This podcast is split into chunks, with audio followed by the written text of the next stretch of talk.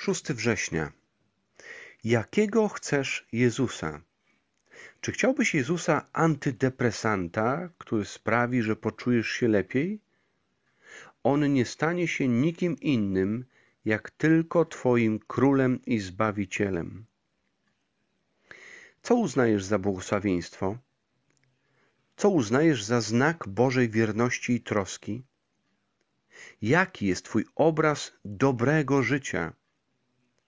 Gdy mówisz, e, gdybym tylko miał to lub tamto, to byłbym zadowolony. Co to jest to to lub tamto? Kiedy kusi cię, by zazdrościć życia innym, to czego im zazdrościsz? Co sprawia, że kwestionujesz Bożą dobroć i miłość w stosunku do ciebie? Co doprowadza do rozczarowania życiem? Bądź szczery. Czego chcesz od Boga? A może zapytam bardziej prowokacyjnie, jakim Mesjaszem chciałbyś, żeby stał się dla ciebie Jezus? Myślę, że wielu z nas po prostu nie ma tych samych planów co Jezus. Nie mamy tych samych planów co Jezus. To, o czym marzymy, i na co mamy nadzieję, nie pokrywa się z tym, co On nam obiecał i stara się w swej gorliwej łasce nam dostarczyć. Może wielu z nas jest po prostu rozczarowanych Bogiem, ponieważ w naszym codziennym życiu nie cenimy tego, co On ceni. Czy możliwe, że nie doceniamy tego, co Bóg nam zapewnia i do czego wykorzystuje wszystkie siły natury i dostosowuje wszystkie wydarzenia w historii ludzkości? Może wielu z nas potrzebuje jedynie antydepresyjnego Jezusa, który sprawi, że będziemy się mieli lepiej, a nasze życie stanie się łatwiejsze? Za to chętnie oddamy mu wszelkie dziękczynienie i uznamy, że jest wiernym Bogiem. Może wielu z nas bardziej niż odkupienia pragnie kontroli. Chcielibyśmy sprawować większą kontrolę nad ludźmi i okolicznościami w naszym życiu. To byłoby dla nas dobre życie. Może wielu z nas bardziej niż odkupienia pragnie sukcesu.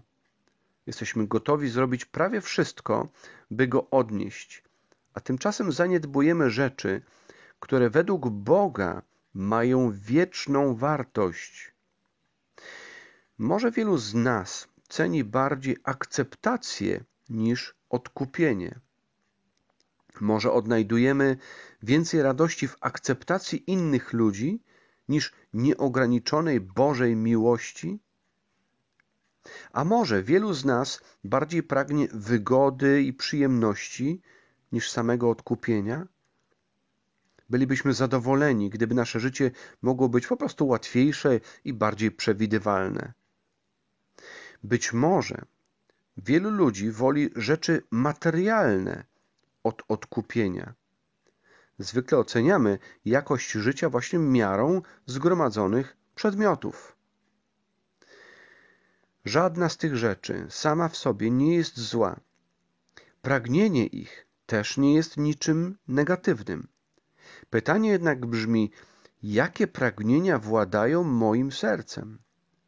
Jakie pragnienia władają moim sercem? To jest istotne, ponieważ rządzące nami pragnienia określają, jak oceniamy nasze życie, jak podejmujemy małe i duże decyzje, a przede wszystkim, co myślimy o dobroci i wierności Boga. Twój Mesjasz jest zawsze wierny. Może Twoje zmagania z wiarą wynikają z tego, że nie doceniasz tak naprawdę pracy, którą On wykonuje w Twoim życiu i sercu. On jest kimś o wiele więcej niż antydepresantem. Jest Twoim suwerennym Zbawicielem i Królem. Dalsze rozważania i zachęta Ewangelia Łukasza 12, od trzynastego wiersza. Tymczasem ktoś z tłumu zawołał: Nauczycielu, powiedz mojemu bratu, by podzielił się ze mną majątkiem ojca. Przyjacielu, kto dał mi prawo rozstrzygania waszych spraw? odrzekł Jezus.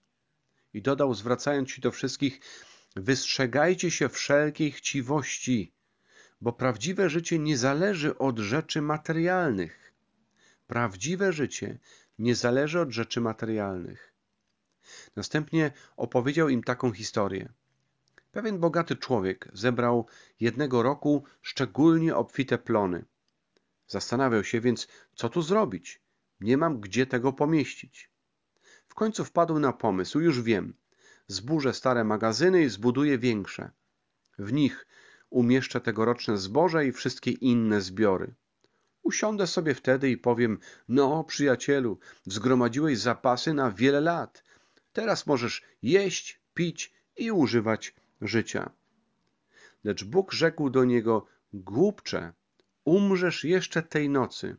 Komu więc to wszystko zostawisz?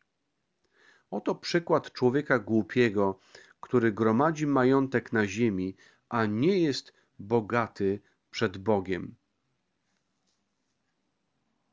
Pozdrawiam.